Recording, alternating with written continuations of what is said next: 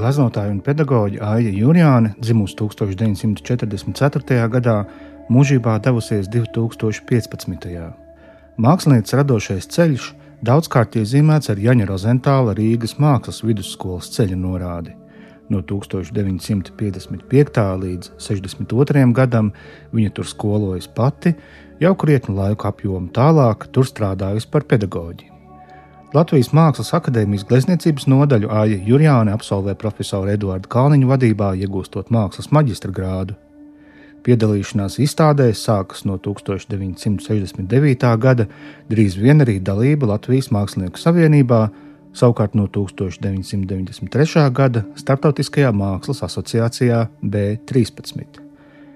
Tajā pašā gadā vēl kāds zīmīgs notikums - Aijas Jurjānas personāla izstāde Parīzē, savukārt vietu uzskaitījums, kurās mākslinieca piedalījusies grupu izstādēs, atgādina geogrāfijas Atlantu - Maskava, Pēterburga, Parīze, Berlīne, Tallina, Varšava, Bukareste, Sofija un citas lielākas un mazākas mākslas mekas. Gleznotājas darbi atrodas Valsts mākslas muzejā, Latvijas Mākslinieku savienības un Krievijas kultūras ministrijas īpašumā, tāpat daudzās privātu kolekcijās Francijā, Holandē, Krievijā, Vācijā, Amerikas Savienotajās valstīs, Austrālijā un citvietē. Tagad Aijas Jurjānis vārdam pievienots papildus iezīmīguma svars. Viņas bērnu, Kristīnas, Ievas un Pāvila rosinātā stipendija profesionālo mākslas skolu audzēkņiem Vakar tā tika pasniegta Latvijas Nacionālā Mākslas muzeja bibliotekā. Taču pirms sarunas ar stipendijas laureāti Ievas un Pāvila Jurjānu skaidrojums par šīs iniciatīvas nolūku. Atbalstīt jaunu mākslinieku, jo izvēlēties mākslinieku profesiju ir diezgan drosmīgi, un tas nekādā ziņā nu, nedod nekādu tādu drošu garantu nākotnē, ka ka dzīve turpmāk būs ārkārtīgi jautra, priecīga un uh, daudzsološa. Bet uh, kaut kāda. Jā, nu, patiesībā atbalstīt jauno mākslinieku un uh, turpināt to, ko darīja mūsu mamma Aija Jurjana. Jā, es domāju, tas ir divpusējs. Tas cēlais mērķis mums noteikti tas ļoti nozīmīgs notikums pašiem jo nu, mamma aizgāja strauji un atstāja ļoti dižas darbus un plānus. Un mums ir visus šos gadus šķits, ka ir nu, kaut kādā veidā jāturpina viņas iesāktais, jo tas ir bijis ārkārtīgi nozīmīgs. Un mums patiešām būtu liels prieks un pagodinājums to darīt. Bet nu, veids, kādā veidā tas ir iespējams, lūk, mūsuprāt, bija caur šādu stipendiju. Un Stipendija, protams, ir tikai tāds mehānisms. Eh, nu, vislabāk ir, ka jaunieši paši nevar nemālēt un, un nevar eh, ne, nebūt satraukti par, par mākslu, bet eh, stipendija ir atbalsts tiem, kuri lūk, ir nolēmuši dzīvot saskaņā ar šādu misiju. Un, nu, varbūt ļauj viņiem atvērt kādas jaunas uh, durvis, kas, nu, ko viņi nebūtu uzdrīkstējušies. Es pats zinu, ka es uh, skolu beidzot uh, piedalījos programmēšanas konkursā un dabūju dalīt otro vietu. Un man tas bija šausmīgi nozīmīgi. Es uh, sajūtu, ka tas ir atbalsts manam ceļam, nopirku zābakus. Lai varētu iet. var iet programmēt. programmēt.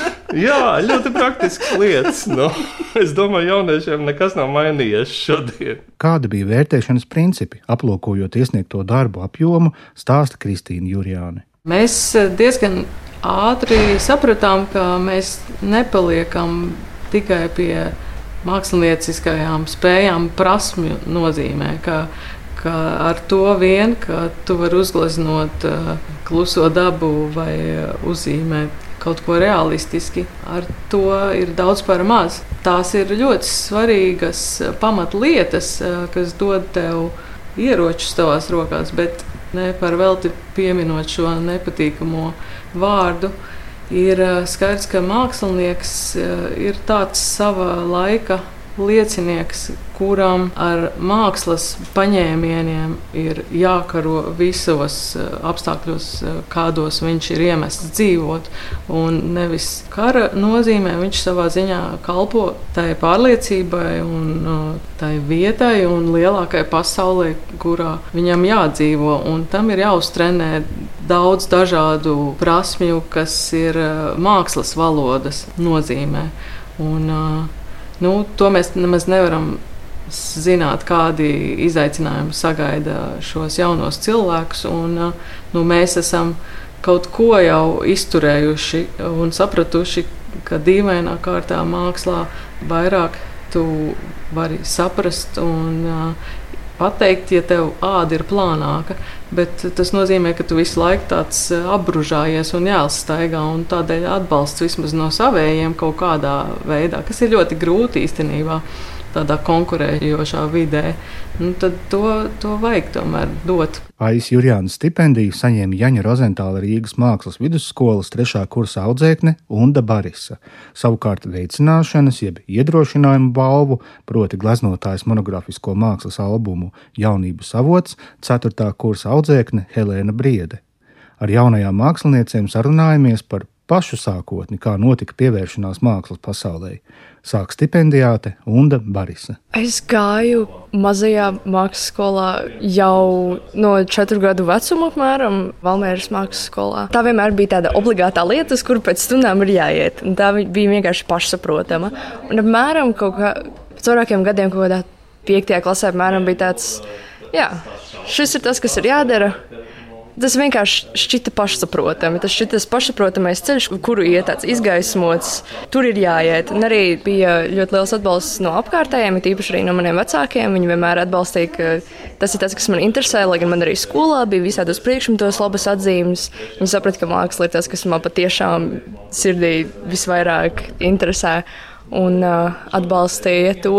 Arī skolotāji teica, ka ir vērts uh, to turpināt un attīstīt. Un tagad, protams, šīs stipendijas saņemšana, tas ir tiešām tas liels grūdienis, ka jā, tiešām šis ir tas pareizais ceļš un ka ir tas atbalsts no apkārtējiem. Tad par savu tehniku tu vairāk uzskati tomēr glezniecību? Uh, nu šobrīd.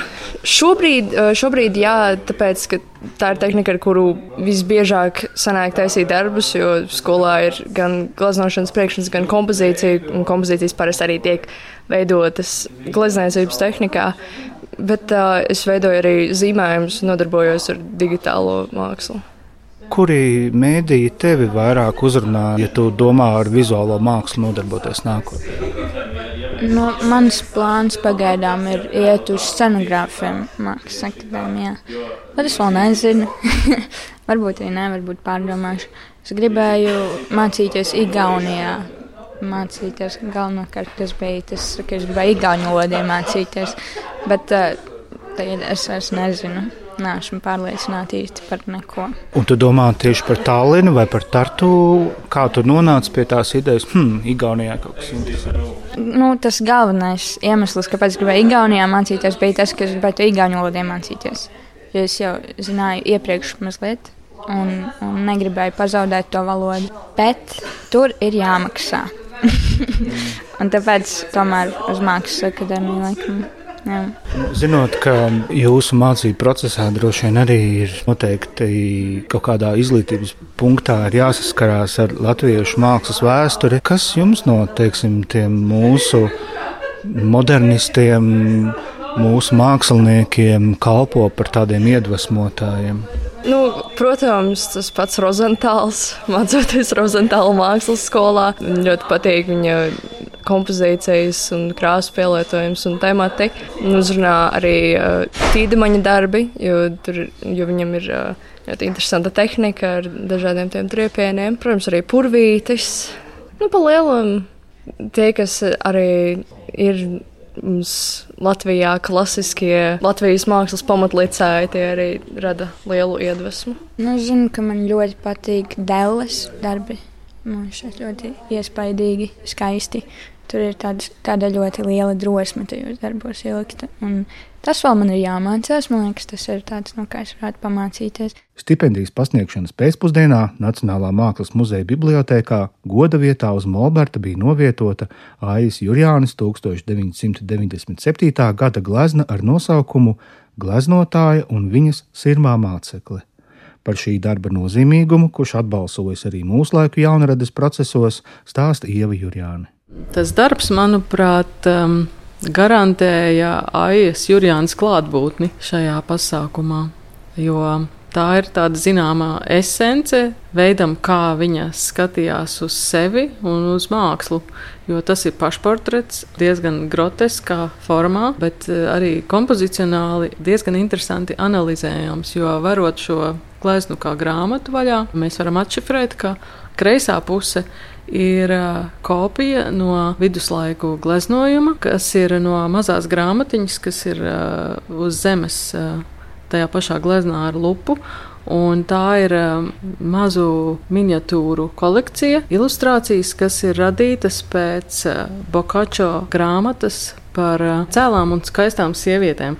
Un tas izdevums oriģinālais stāsta par uh, dokumentālām sievietēm pasaules vēsturē, kuras ir eh, izcilas savā laikā. Un eh, viena no viņām ir tā gleznotāja, kas eh, nav mūķene, kā varētu domāt, pavirši skatoties, bet ja lasa grāmatu Aija Jurijāna jaunības avots, tad tur ir Anita Vanaga veikusi rūpīgu pētījumu par šo gleznu, gan par to, kas ir viduslaikos gleznot, gan tālāk ievadus tajā pasaulē, kā Aija Jurijāna to turpina šifrēt, jo labajā gleznas pusē ir eh, darbi fonā no aizjūrjānas darbnīcas. Un, uh, tie ir konkrēti darbi, kas ir attēloti diezgan nosacīti, bet mēs katru no tiem pazīstam. Mums par katru no tiem ir stāsts, asociācija, un uh, tajos daļai esam arī mēs.